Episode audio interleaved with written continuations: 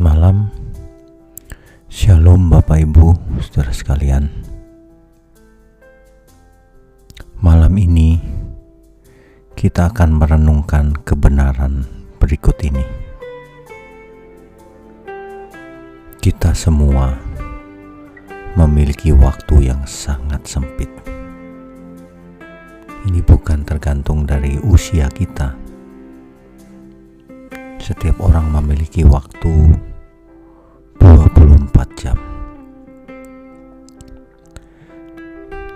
6 sampai 8 jam dipakai untuk tidur. Sekitar 8 jam dipakai untuk bekerja.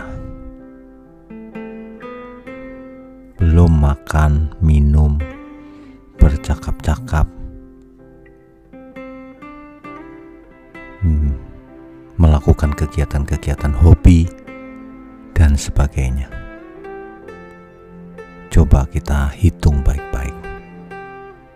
Berapa waktu yang tersiksa, tersisa untuk belajar kebenaran, untuk berdoa, untuk merenungkan, untuk bersekutu dengan Tuhan. Waktunya singkat, bukan? Dan waktu yang kita miliki dari setiap harinya memang sangat pendek. Itulah sebabnya, jika seseorang tidak serius, maka tidak akan pernah berubah. Sebab sebagian besar waktu manusia dipakai untuk yaitu tadi tidur, bekerja, makan, minum, nonton, sehingga waktunya hampir habis untuk belajar yang bisa disisakan untuk belajar. Ini tergantung dari bagaimana kita membuat prioritas hidup tentunya.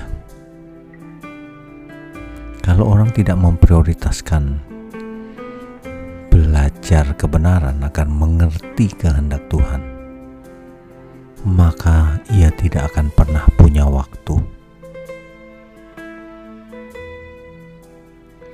Jadi, malam ini hendaknya kita sadar bahwa waktu yang kita miliki sangat terbatas.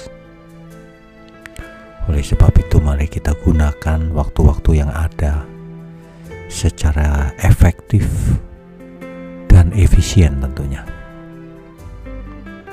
Sebab waktu yang kita miliki tidak bisa ditambah, tidak bisa diperpanjang. Jadi kita harus menggunakan waktu yang masih ada seefisien dan seefektif mungkin. Mari saudara kita nyatakan iman kita dengan perbuatan yang nyata, yaitu dengan menggunakan waktu yang sebaik-baiknya untuk kemuliaan Allah, untuk kemuliaan Tuhan, sehingga kita dapat melakukan bagian kita Jangan sampai kita tidak melakukan apa yang seharusnya kita lakukan,